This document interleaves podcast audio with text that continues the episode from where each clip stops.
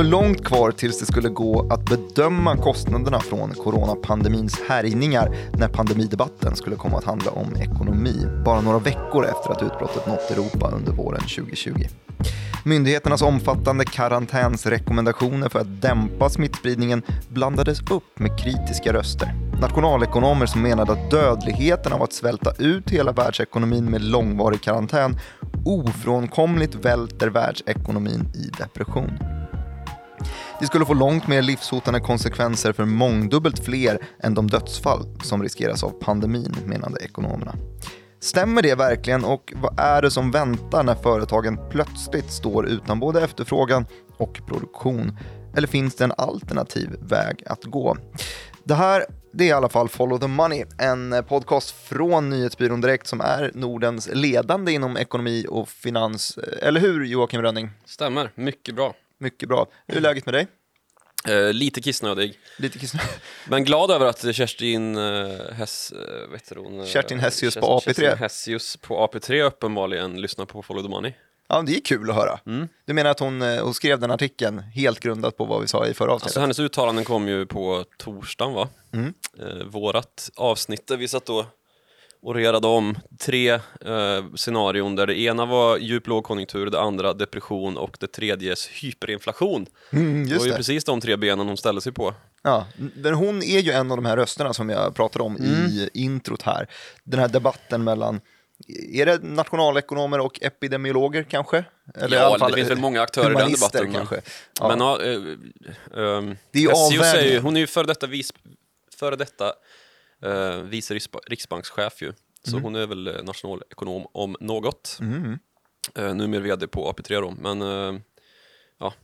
Vad var, hennes, uh, vad var hennes linje i hela det här då? Det är just det här att uh, om vi nu bara stannar alla ekonomer, alla ekonomier, alla ekonomer ska vi inte stanna, men alla Nej. ekonomier, det är väl omöjligt.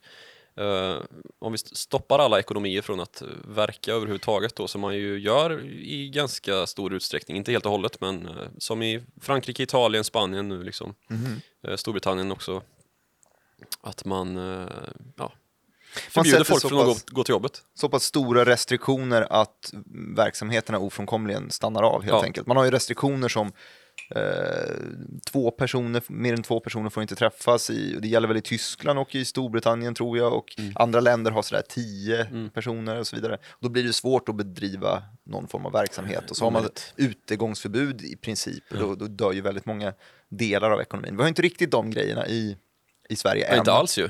Nej. Långt ifrån. Ja, men vi har i alla fall en eh, eh, små restriktioner som eh, vi har en limit på 500 personer. Mm. Eh, vi har Um, endast bordservering på uteställena. Det blir alltså inga, inga långvariga discohångel längre utan då får man sitta på sin plats. Hur blir det med danstillståndet? Det. Danstillståndet, man får, ja det är sant. För det är en sån, eh, en sån debatt som liberaler ofta hetsar upp sig över att man måste ha danstillstånd i Sverige. Mm. Ja, eh, får man någon, inte heller röka på uteserveringen? Nej, just det, det får man inte heller. Mycket restriktioner nu. Myndighets-Sverige. Eh, mm. Om vi går på, vi ska egentligen inte snacka statistik för det är för svårt tycker jag. Nej, jag tycker vi kan prata andelar i så fall. Uh, om man tittar på hur kurvor rör sig i förhållande till varandra. Ja men det är kul. Uh, just nu är det inte så kul faktiskt. Nej, nej, nej det var ju, ja. Men det, det är ju intressant om inte annat. Uh, och där ser vi ju då att det går ganska dåligt för Sydeuropa. Mm. Om än så har det kanske planat ut lite grann i Italien. Uh, och det, det går... du kollar på då, det är, räknar du dödsfall? Ja, eller? det är ju framförallt dödsfall då. Eftersom att uh, den här, det går ju inte att mäta ikapp den här smittan nu som, som vi har nu. Och det är ju en av anledningarna till de här vid, vida karantänsåtgärderna, att man vill skjuta fram ehm, virusets ja, det här med att platta ut kurvan, att man vill skjuta fram virusets förlopp liksom. Mm. Uh, och kanske möjliggöra att uh, man kommer ikapp med antal testkit och kan genomföra smittspårning då på större skala som man gjort i, i Sydostasien där det har varit uh, betydligt mer framgångsrik hantering av viruset ju i mm. länder som Sydkorea, Japan, Singapore, väldigt framgångsrikt. Mm. Och eh, det har man ju misslyckats fullständigt med, både i eh, Europa men också nu i USA ju. Eh, det kom ganska nyligen när vi spelar in det här att eh, WHO spår nu att det finns en betydande risk för att epicentret förskjuts ännu en gång mot USA då. Så då har vi eh, starten i, starten i Kina och sen så var det fight om första plats mellan Italien och Sydkorea eh, när det skulle sprida sig Ja, från så Kina. landar det ju i Italien då. Exakt. Avgick Och sen därifrån så menar man då, ja, därifrån menar man då att det, nästa steg är Ja. USA. Är det New York som är Ja, New York Stora. är ju väldigt illa drabbat. Um, dödstalen har inte riktigt kommit upp där i de digniteterna som vi ser i södra Europa. Mm. Eh, Spanien är också väldigt, väldigt dåligt eh, läge just nu. Men eh, det är ju också en fråga om tid ju. Ehm, Ja, man snackar mycket om fördröjningar, att kurvorna ser Ja. ut att vara ungefär likadana. Eh, om man har kollat på de, de som ligger längst fram i det här då, till exempel om man jämför Kina med Italien. mm. Men det handlar bara om när, när det inträffar, var i kurvan man är. Ja, precis. Och så kan man ju jämföra eh, derivata då om man har läst matte B. Ja, Alltså hur, eh, hur skarpt kurvan går uppåt eller neråt. Eh, lutning. Mm. Och lutningen på kurvan i USA är exceptionellt dålig. Eh, Spanien också väldigt brant. Italien har ju som sagt planat ut men där var det ju också en skräckinjagande derivata på eh, antalet smittade först och sen antalet eh, döda ju. Mm. Och det här har ju att göra med att man överbefolkar sjukhusen som inte har kapacitet att ta hand om de som är sjuka och eh, ja, folk dör i större antal än vad som hade varit fallet om man hade haft eh, sjukvårdsutrustning och personal åt att eh, hantera situationen för allas välmående. Liksom. Mm. Eh, och där är man ju inte riktigt än i, i New York, men det är ju riktigt illavarslande eh, scenarion som, eh, som framkommer när man lyssnar på politiker och eh, deras egna folkhälsomyndigheter och WHO nu då. Och så får man då den här debatten first hand, vilken del av det här ska vi prioritera? Alltså om vi drar tillbaka det till Mm. Kerstin Hessius inledningen. Vad, vad tycker du om den debatten? Jag tycker det är imponerande att eh, samtidsdebatten är så dålig på att hantera, eh, eller liksom att hålla två tankar i huvudet samtidigt. Eh, Vad menar du här då? Nej, men att vi har ju då en, en kris som är just här och just nu. Mm. Eh, och att man har fattat då de här uh, karantänsåtgärdsbesluten för att just bromsa in det här akuta skedet. Eh, och det har då tolkats på något vis som att det här ska pågå nu i, ja, tills vi har ett vaccin ungefär. Och så är det ju inte. Det är ju därför man har hela tiden, om, man hela tiden omprövar beslut. Spanien till exempel kom igår med att man förlänger karantänen ytterligare två veckor. Eh, och det här handlar ju om att komma ikapp liksom. Eh, om att komma ikapp med just sjukvårdsutrustning och, och rusta upp sjukhus och dylikt. Och det har vi inte gjort här och det har man ännu mindre gjort i USA. Vi hade ju nyss en, en ebola-epidemi som spred sig i Västafrika. Under 2014 var det ett, ett akut tillstånd i, i Västafrika med Sierra Leone och eh, framförallt Sierra Leone, Liberia och några till länder i Västafrika. Och det man gjorde då var att man skickade dit stora team som fick ordning på det här och lyckades begränsa smittan. Mm. Eh, det var ju ett åtgärdspaket som Obama skrev under på. Uh, för detta president Barack Obama. Exakt. Ehm, Så har man ju inte kunnat göra nu riktigt eftersom att smittan spred sig så snabbt och blev så pass utbredd i Kina som, eh, som vi inte har sett eh, nå- någon gång tidigare egentligen. Eh, Men någonting som skiljer liksom åtgärderna som har varit lyckade nu mot lyckade åtgärder tidigare, Mm. eh, både sett till Obama men också eh, Sydost, Sydostasien då, hur man har hanterat det där, är ju att man har haft beredskap. Liksom. Men är det inte för sent att börja gorma om beredskap när vi liksom är mitt i eh, Ja, men jag gormar inte om beredskap. Jag tycker bara att, det, jag tycker bara att det, det här är en av nycklarna till att eh, det finns faktiskt en, en medelväg att gå här mellan nationalekonomer och eh, ja, vad ska man säga, sjukvårdsivrande eller lock, lockdown-ivrare. Liksom. Mm. Eh, och det är ju att ställa om delar av ekonomin eh, så att vi får en faktiskt produktiv utveckling som, som rör sig med den här, liksom, det här, den här efterfrågan som ju finns nu.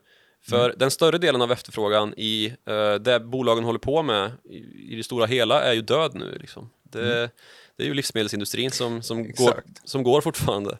Eh, de kommer ju istället få en... eh, Samhällsviktiga funktioner, det är de som Ja, går. precis. Eh, Två stycken poddidioter som sitter här helt enkelt. Ja, det precis. rullar fortfarande. Som, som fortfarande möts. Men vi är ju bara två i och för sig. Ja, det är sant. Så det kommer vi fortsätta med. Under 500 är vi. Ja, eh, men eh, som sagt då, det har vi pratat om tidigare, att efterfrågan eh, kommer ju liksom ikapp sådana här eh, branscher som nu är, alltså hela hamstringsgrejen känns ju som att den har avtagit lite kanske. Mm. Eh, det finns toapapper i, i, eh, i butikerna igen. Exakt. Eh. Essity har till och med lyckats vrida om och, och börja tillverka munskydd som jag gissar att det är det Mm. hållet du är på väg mot här. Att, Bra tänkt. eh, så att de behöver inte fokusera alla hundra procenten på att bygga eh, toarullar. Bygga toarullar. Nej, det precis. gör. Eh, Bygger dem. det, det är kö utanför eh, fabriken om man säger så, men, men det här är ju liksom ett det är ju en efterfrågan som eh, kanske är svår att mätta just nu sett till eh, hur mycket folk bunkrar. Mm. Men sen ska ju den här, liksom, de här balarna användas upp ju. Mm. Eh, så så man, folk kommer ju ha lager, folk kommer ju ha lager med det här och då, då kommer ju efterfrågan istället att gå ner ju.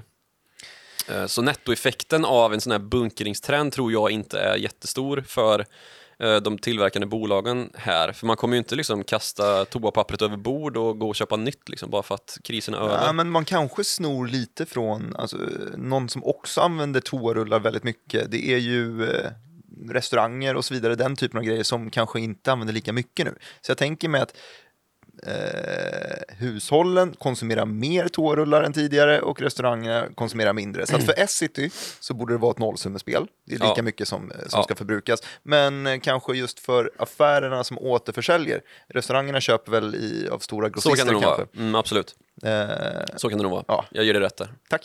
Eh, Men sen så har vi ju då andra typer av efterfrågan, du som munskydd eh, är ju en väldigt Exakt. eh, väsentlig del som man har ett enormt underskott på ju i eh, sjukhusen. Vi har liksom att det ska tillverkas annan typ av skyddsutrustning ju. En massa förkläden och liksom skyddsglasögon och den typen av liksom visir och sånt här. Ja, vi har ju sett, alla sett de här bilderna från eh, typ eh, sjukhus i, eh, Italien och så vidare. Man är ju munderad om man Mm. jobbar inom vården. Så är det ju. Precis, lite så här uh, rymddräkt. Mycket sen sånt så- som ska tillverkas. Ja. Ja. Och sen så har vi ju haft ett långt eh, gående case. Jag tror första gången jag skrev om det och ringde upp Getinge, eh, som ju är en tillverkare av bland annat, eller ja, medicintekniktillverkare, som ju bland annat tillverkar ventilatorer eller på mer lättfattlig svenska respiratorer. Bå- båda orden är svåra för mig. Men eh, Respirator alltså, det är ju det man använder för att syresätta en eh, en konstgjord lunga utanför kroppen. patient som, som inte kan syresätta sig själv med hjälp av eh, vanlig luft, Mm. kort. Men med ventilatorer så menar man då inte en fläkt, utan Inte man en menar fläkt. en Det är det inte. luft in i kropp på något sätt. Nej, inte in precis. i rum. Mm. Eh, exakt så. Eh, och där, där har vi ju ett enormt behov, inte bara vi, eh, utan hela världen ju. Ja, men det såg vi faktiskt. För det, det Mm. har vi snackat om tidigare. Vi ska inte snacka så mycket enskilda aktierörelser och så Nej. vidare. Men vi har ju sett ordrar. Eh, Geting har fått jätteorder från Italien till exempel. Mm. Eh, samma sak med Drägerverk som är tyska motsvarigheten som också gör sådana Mm. här liknande produkter och så vidare. Har sett ordentliga eh, ordrar komma in. Eh, så att det finns ju en ordentlig efterfrågan. Där tyckte jag också att det finns en liten, eh, liten diskussion över vem som kommer få den här. Om, om världen har en kapacitet att tillverka x antal respiratorer, Ja, vem ska få dem? ja eh, alla får dem ju, kan man väl konstatera. Men problemet är ju att det finns en större efterfrågan än det finns ett ut, utbud ju. Jo, så är Eh, det. Det är ju väl, väldigt så här, kapacitetsbegränsat i, eh, ja, Getinge har ju folk legat på om att, ja men hallå hur går det, ni måste ju, ni måste ju liksom bygga ut den här eh, ventilatortillverkningslinan ni har i Solna här i Stockholm. Mhm. Och det har de gjort nu också, bullat upp med något extra skift. Och Plockat dess- in medarbetare från Scania, såg jag en Yes. rubrik från. Precis. Ehm, grejen är ju bara då att det räcker ju ändå inte, långt ifrån. Mm. Eh, men då har vi ju andra ganska starka tillverkningsbolag i det här landet och i många andra länder också ju. Mm. Och eh, då har man nu möjliggjort för dem att med hjälp av viss utrustning som de är väldigt starka på, eh, bland annat, eller framförallt då 3D-skrivare. Där kom 3D-skrivarna in i, bilden. Det var Jag har alltid undrat vilket problem de skulle lösa. det har precis. ju varit det. Men nu verkar det väl som att de verk verkligen kan få ett applikationsområde som gör eh, folk lite lyckligare.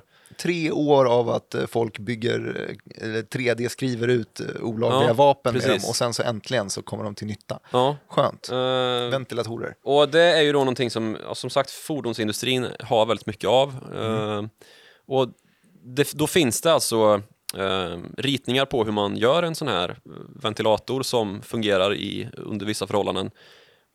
Just för att vara tillräckliga då i den här pandemikrisen bland annat, där man har gått ihop med eh, de här eh, tillverkarna då som du sa, Getinge Drägerverk, det finns ett bolag som heter eh, Medtronic, 3M, eh, 3M, Mm. eh, Post-it-lappar. amerikanska.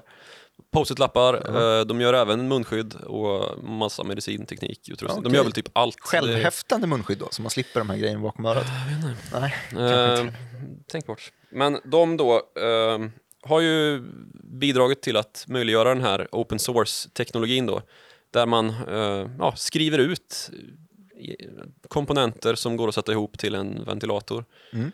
Och jag menar, det finns ju en massa bolag utöver de mest liksom så här, som har 3D-teknik. Jag menar, Electrolux har väl hur mycket som helst eh, vad det gäller hemelektronik. Okej, så att du vill se helt enkelt att det är de här företagen som, eh, li, lite krigsekonomiskt på något Det är sätt, den sven nya svenska modellen.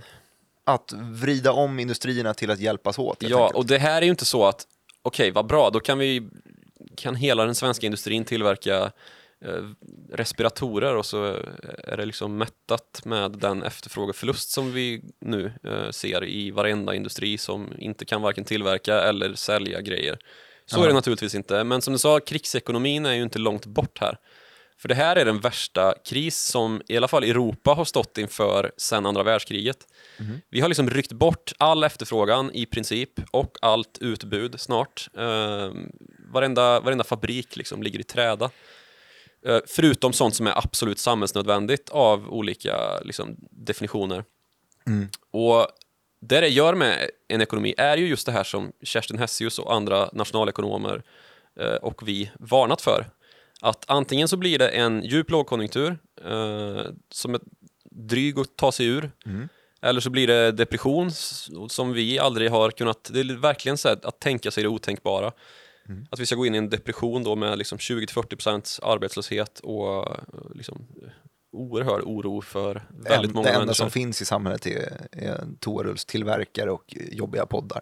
Ja, och 3D-printande, Och 3D-printande. ventilator, eh, Ja, ventilatortillverkande det är en depression om något, verkligen. Ja, det är deppigt. Eh, eller då att det här visar sig inte vara så eh, kritiskt. och att man har tagit i från tårna och landar i en hyperinflation. Precis, för, som, alltså, det pratade vi också om i förra programmet, att vi har ju centralbankerna har ju nu slut, inte slut på ammunition, men, men det är ganska så tomt i arsenalen i alla fall. Så Ja. att man har börjat titta på om man kan hitta lite nya arsenaler istället.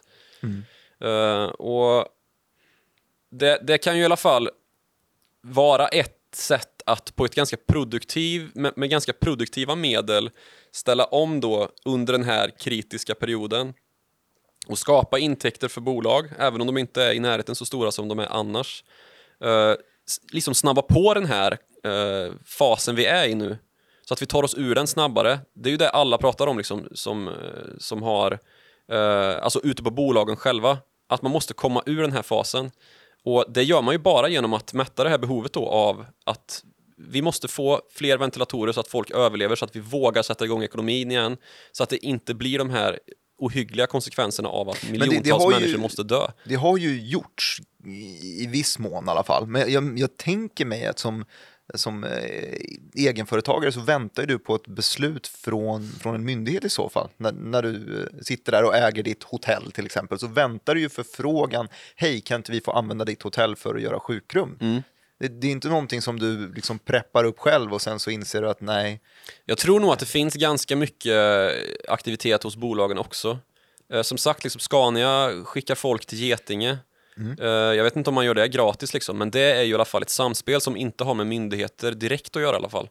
Eh, och jag menar, det finns det också ganska mycket liksom, eh, andra sätt att, att se liksom, andra delar av ekonomin som är ganska plågade nu, som du sa, hotell till exempel. Scandic har ju varslat och vinstvarnat och det går käpprätt liksom.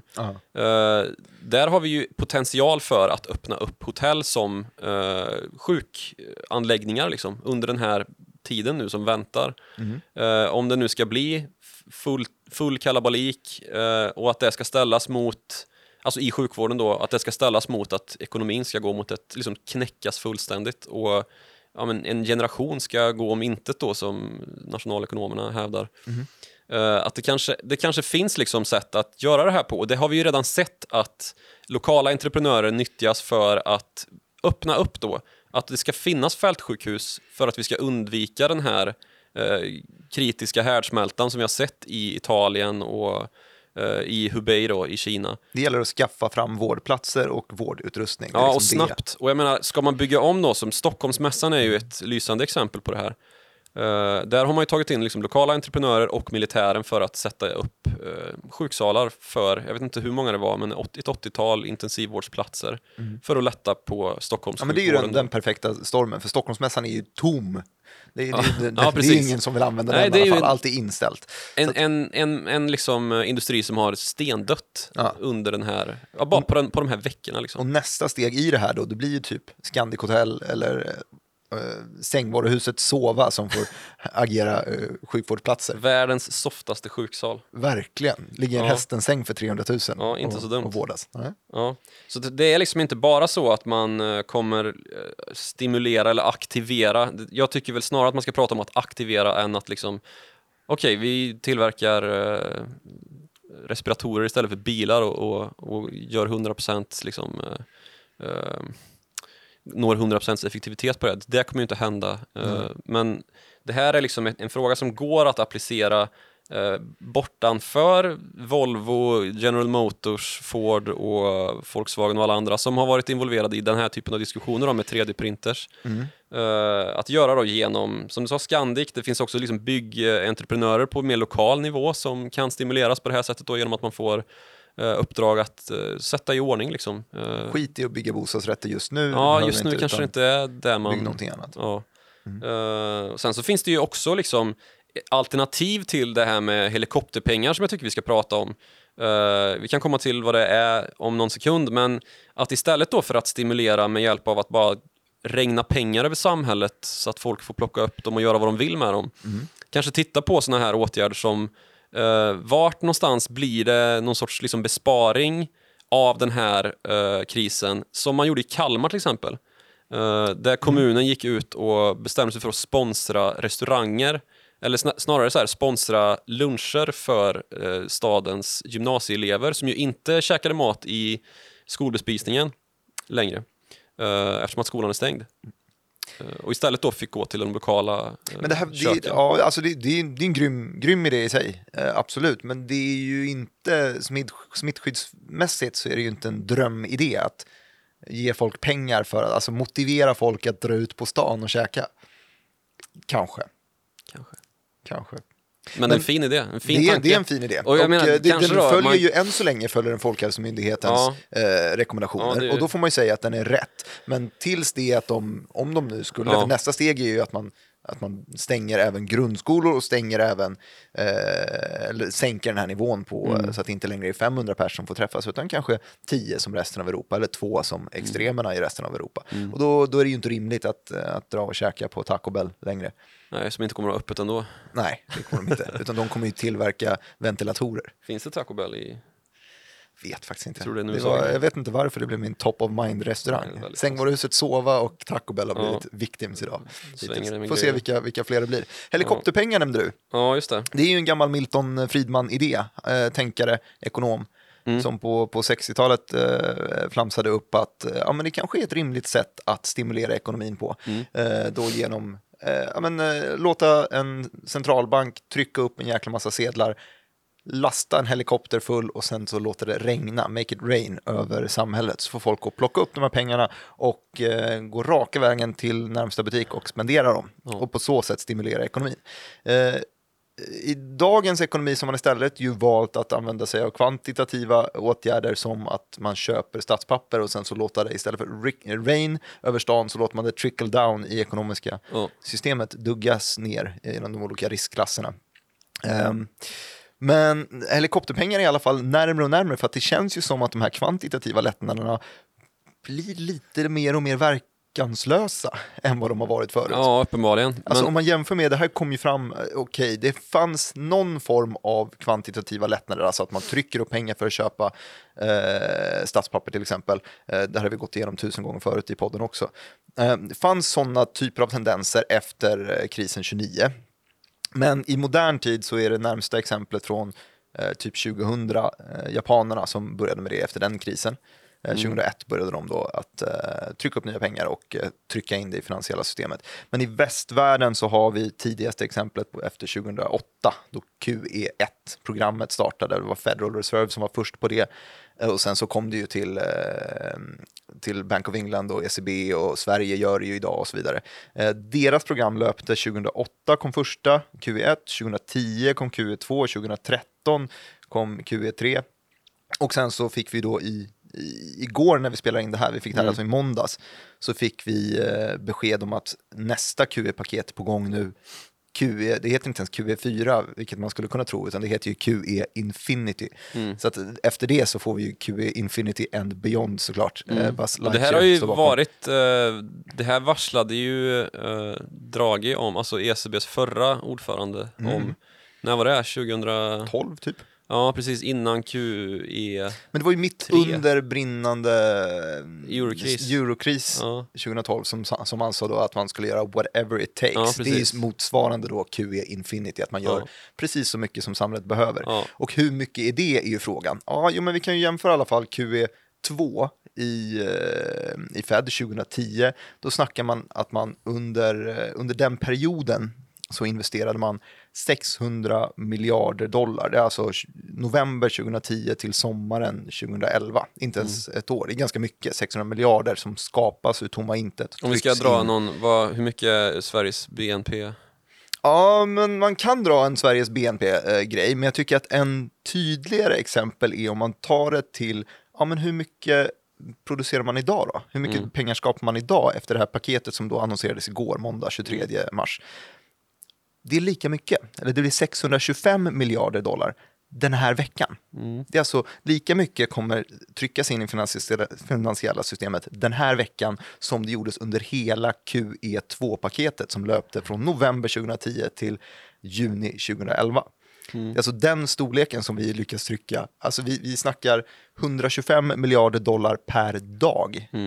I, des, I piken QE så, så eh, tryckte man 45 miljarder dollar i månaden ungefär. Det var liksom en mycket långsammare takt. Nu kommer man inte kunna fortsätta med det här, hoppas i alla fall, eh, kunna fortsätta i den här takten i, under lika lång tid som man hade QE-paket tidigare. Men men det är en helt, en helt sanslös ökning. Eh, Och hur reagerar marknaden på det här? Nej, säger de. Mm, precis. Det är liksom, det är... det, det, det, vet du, varslar väl lite om, nu sa jag varslar igen, men det, det osar ju lite eh, epokskifte, liksom paradigmskifte över det här ju. Eh, och det pratar vi ju om också i någon annan, något annat avsnitt om att det liksom inträffar sådana här epoklika kriser emellanåt. Vi har haft liksom guldmyntfot och Bretton Woods och vi har haft eh, finanskris och QE var ju en sån ett sånt epokskifte och de här, alltså det som renderade i, i minusräntor då efter finanskrisen förra gången. Nu ser vi det här och QE Infinity är ju liksom... Exakt, ju, QE Infinity and Beyond, det blir ju när man stänger ner QE för att man inte riktigt förstår de pengarna än. De har urholkat så jäkla mycket så att man istället måste gå över till eh, eh, helikopterpengar istället. Och skickar vad- ut Precis. Eh, eh, Ja, helikopterpengar, ja, men att man låter det, låter det regna över befolkningen. Mm, och- Eh, och man kan precis. ta, I modern eh, exempel så kommer man ju faktiskt inte åka helikopter och kasta ut pengar. Det är miljöskadligt. Istället så väljer man då att man sätter in pengar på ett konto. I svensk modell så skulle det väl vara att man får en eh, eh, en liten eh, extra bump på skatteåterbäringen till exempel. För det är ju, handlar ju om att ge pengar som man inte förväntar sig, alltså en oförväntad eh, tillskott i ekonomin. Och jag tycker att eh, skattedeklarationen, skatteåterbäringen är det bästa exemplet på det här. Lägligt Alltså, nu också ju. Superlägligt. Eh, nu har man redan fått veta, men nu har man ju då planerat. Säg att man har planerat, ja men jag vet nu, jag har sett min skattedeklaration, jag kommer få 3000 spänn tillbaka. Om man plötsligt skulle bara eh, chocka folk med genom att dubbla allas, eller alltså låta det vara 2000 spänn till eller någonting. Det är liksom pengar som man bara, nej men, va? Ja, men det här ska jag verkligen, här ska jag unna mig någonting för. Och det är den känslan man vill, kö- man vill ge. Man vill inte att folk ska så här planera för att de här pengarna ska komma, eh, utan man vill verkligen chocka dem för att man ska köpa någonting för det. Man vill spendera pengarna på något sätt. Och det här Eh. såg vi ju i Hongkong för, i början på mars redan. Ja, jag vet inte hur det har gått heller. Jag vet inte vad man har sett för effekter. Det ska Nej. bli otroligt kul att se lite hur de här helikopterpengarna landar. Ja, verkligen. Eh, Man kan ju ifrågasätta då liksom eh, den här, det här liksom, där, där gav man ju ut checkar. Mm. Eh, vad var det? 10 000 Hongkong-dollar, det är typ... Ja. Jag tror att det var typ, Nej, 1000 Hongkong-dollar, det är typ 10-12 000 svenska ja men något sånt där, per, exakt. per myndig Hongkongbo. Ehm, alltså USA har ju gjort det här förut, det gjorde man ju 2008, 2009 uh, vid förra finanskrisen. Ben Bernanke eh, gick i bräschen med det. Mm. Centralbankschef då ju blev Helicopter Ben. Och då, då var det ju just att man gav ut, eh, som du nu eh, strukturerade upp med skatteåterbäringen, Mm. 300 dollar per skalle eh, fick man extra. Ja, men eh, det känns som en rimlig summa. Jag skulle gärna ha Det det. låter lågt. Nu ska man ju ut med, eh, Mnuchin, alltså finansminister i USA nu, eh, har ju varit ute och pratat om 1000 dollar till varje vuxen och eh, 500 dollar per barn. Mm. Check, check to the door, alltså att man ska få hem pengarna, kort sagt. Lä läge att börja satsa på att bli farsa snart då? Så att man kan Det är nog, du är nog sent ute där. Sent ute. Ja. Man kan inte expressbaka på Du är något inte sätt. amerikan? Nej, det är sant också. Ja, men i alla fall, där ligger vi med det då. Eh, och det som det här börjar likna är ju att uh, penningpolitiken och finanspolitiken, som ju har varit två åtskilda eh, fenomen ju, Mm. börjar likna varandra väldigt mycket. Och Det det, är ju till och med en debatt om det här med helikopterpengar ska, ska ses som alltså fiskalt skattepolitik eller om det är penningpolitik. Eh, det finns det lärde som tvistar om. Ja men exakt, för skillnaden här är att i fiskal, i finanspolitiska åtgärder så bygger du upp en, en skuldsituation i staten. Du, bygg, du lägger på på skulden. Mm. Eh, Medan på den penningpolitiska då är, det, då är det en balansräkning du utökar Mm. eh, hos centralbanken i fråga. Ehm, Så det här det lutar väl åt att det, då kan det ju bli ett sätt att uh, avyttra alla de här gigantiska statsobligationsköp som centralbanken har gjort. ja, men ex- exakt, det tycker jag är den... det är ju det som är QE kan vi väl...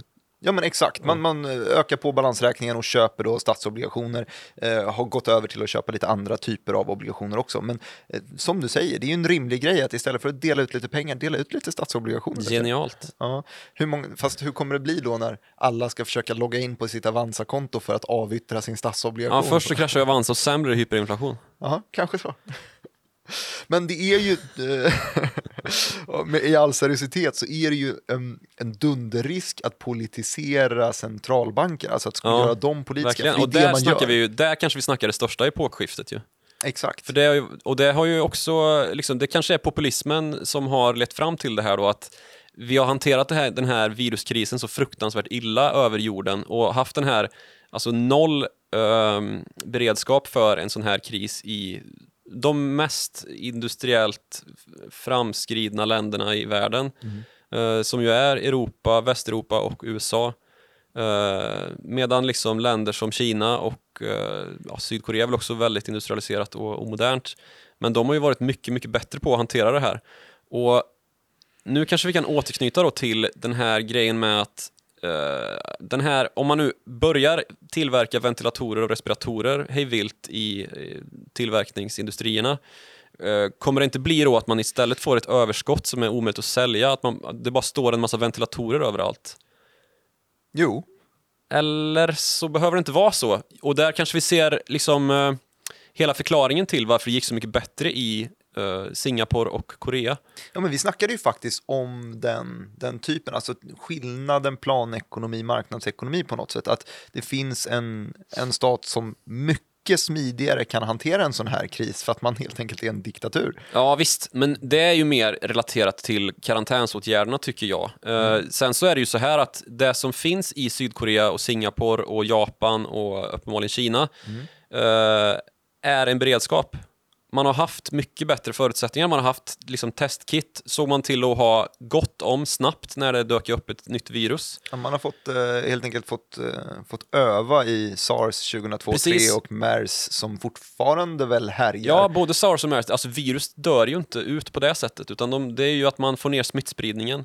Eh, och det lyckades man ju med både med sars och mers, eh, MERS. Middle East Respiratory Syndrome och ah, SARS då, Severe Acute Respiratory Syndrome, som också är zoonoser.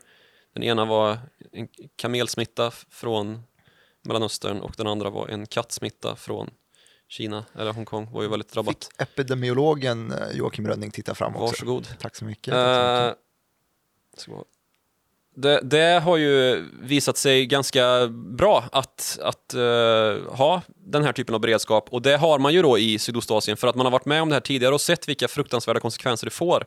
Inte bara för eh, individer utan för hela företag och i förlängningen på ekonomin. Eh, och se hur, de, hur mycket bättre det har gått där. Eh, så jag menar ju att om man nu får ett överskott av eh, sån här skyddsutrustning och vad det nu är som behövs tillverkas, respiratorer och annat, så kommer ju det läggas i beredskapslager. Det kommer inte, det kommer inte liksom, ja, Då får man äntligen slänga de här gamla rationsen från, alltså i, Försvarsmaktens materialverk. Ja, precis. Eh, Hela, alla, materielverk, förlåt, jag blev eh, rättad på det förut och jag ska inte säga fel igen. FMV. Materiel. du är Ja, soldat. ja, exakt. Nej men alltså, då, då kan kommer man vi slänga ärtsoppa och fylla med ventilatorer istället? Precis, ut med Bullens pilsnerkorv och eh, det AK, Bullens AK4. in, med, in med respiratorer i de här jordkällarna som vi har runt omkring i svenska skogar. Mm. Eh, inte helt otänkbart. Så kan vi hantera nästa kris mycket bättre. Och de här virusen som sprids, eh, alltså det är ju lungsjukdomar som de renderar i och som är det farliga med dem. Mm. Ehm, Kan vi låta, låta Stockholmsmässan också bara ständigt få vara ett beredskapsställe eh, ställe istället för så att vi slipper dem. Det finns ju massa onödiga mässor. där. trädgårdsmässan, har Trädgårdsmässan pratat om tidigare i den här ja, podden. den kan få- försvinna bara. Det är upp till dig. känns viktigare att ha lite sjukhussängar där istället. Ja, det, vi, får, vi får se hur, hur det blir med det. Men eh, i alla fall en... eh, Men du, kan vi snacka lite om, nu, nu, pratat om det här ju, Eh, jag skulle vilja prata lite grann om eh, myndigheten för, jag glömmer alltid bort, Samhällsskydd och Säk- beredskap. samhällsskydd, jag säger alltid säkerhet, MSB i alla fall ju. Som identifierar samhällskritiska eller samhällsviktiga funktioner. Jag vill i alla fall veta, Sverige ligger ju just nu och spelar ett eh, kanske högre spel än övriga Europa med det här som vi pratar om, 500 personer. Mm. Eh, vi är liksom lite, eh, lite slappare på restriktionerna. Det, det känns, tycker jag, nästan progressivt och lite spännande att Sverige är... eh, Inte mellanmjölk ut. längre. Inte mellan, verkligen inte mellanmjölk i hur man har hanterat den här krisen. Så är det ju.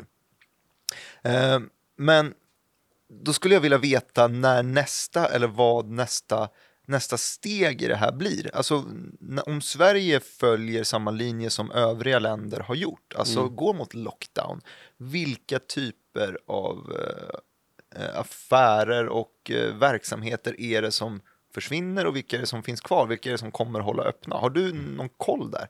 Nej, men eh, det, det, det, finns, det finns ju i en massa olika industrier. Alltså ICA kan ju inte stänga till exempel. Nej.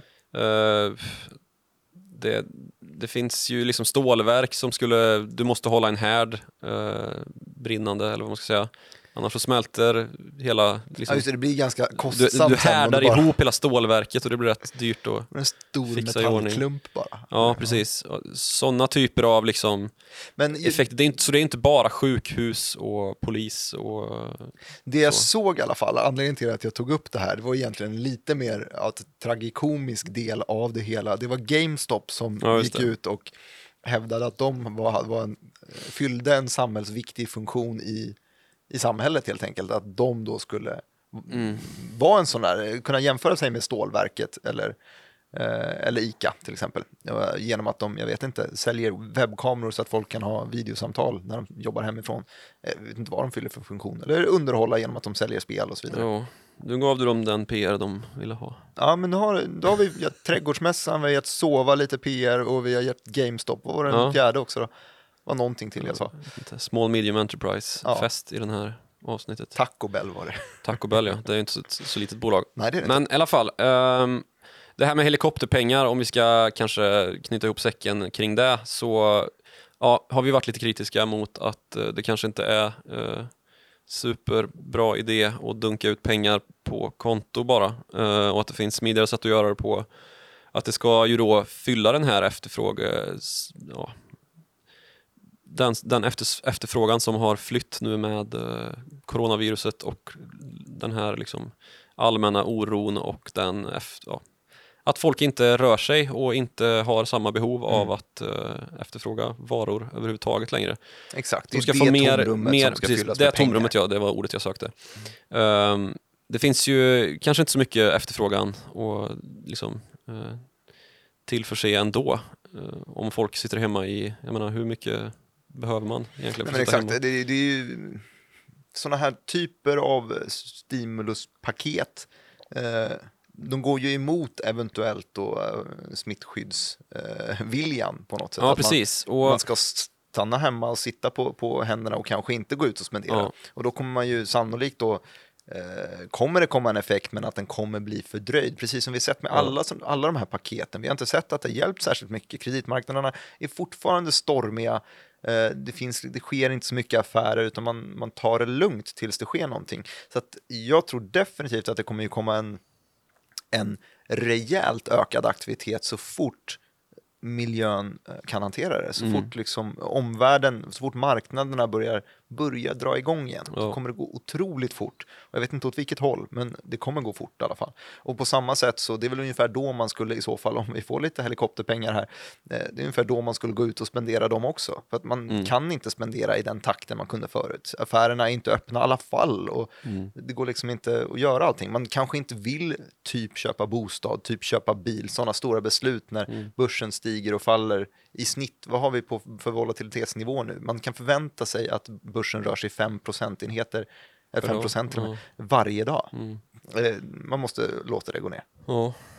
ja, precis. Och sen så har vi ju någonting som jag tycker väl kanske att eh, den här uh, nationalekonomsidan i den här debatten som vi för, nu ska vi inte säga att, inte, att alla nationalekonomer företräder den idén om att man borde eh, liksom hitta parallella uh, verklighets... eh, eller parallella möjligheter för att hantera den här krisen då, så att man inte Mm. behöver stänga ner ekonomin och vålla depression. Eh, och det är ju att liksom eh, ja, hit, hitta ett sätt att eh, eller så här, krisen är ju den att folk är också rädda för viruset. Och av den anledningen håller sig hemma. Så även om det skulle komma nya restriktioner som säger så här, ah, men det, vi har lättat nu så att nu kan man gå på fotbollsmatch liksom. Mm. Så skulle väldigt mycket färre folk göra det ändå av den anledningen att man inte vill bli sjuk. Eh, Så att det är inte bara rakt upp och ner så att det är karantänsåtgärden i sig som har eh, drabbat ekonomin utan det är viruset. Eh, Och den verkligheten måste man förhålla sig till.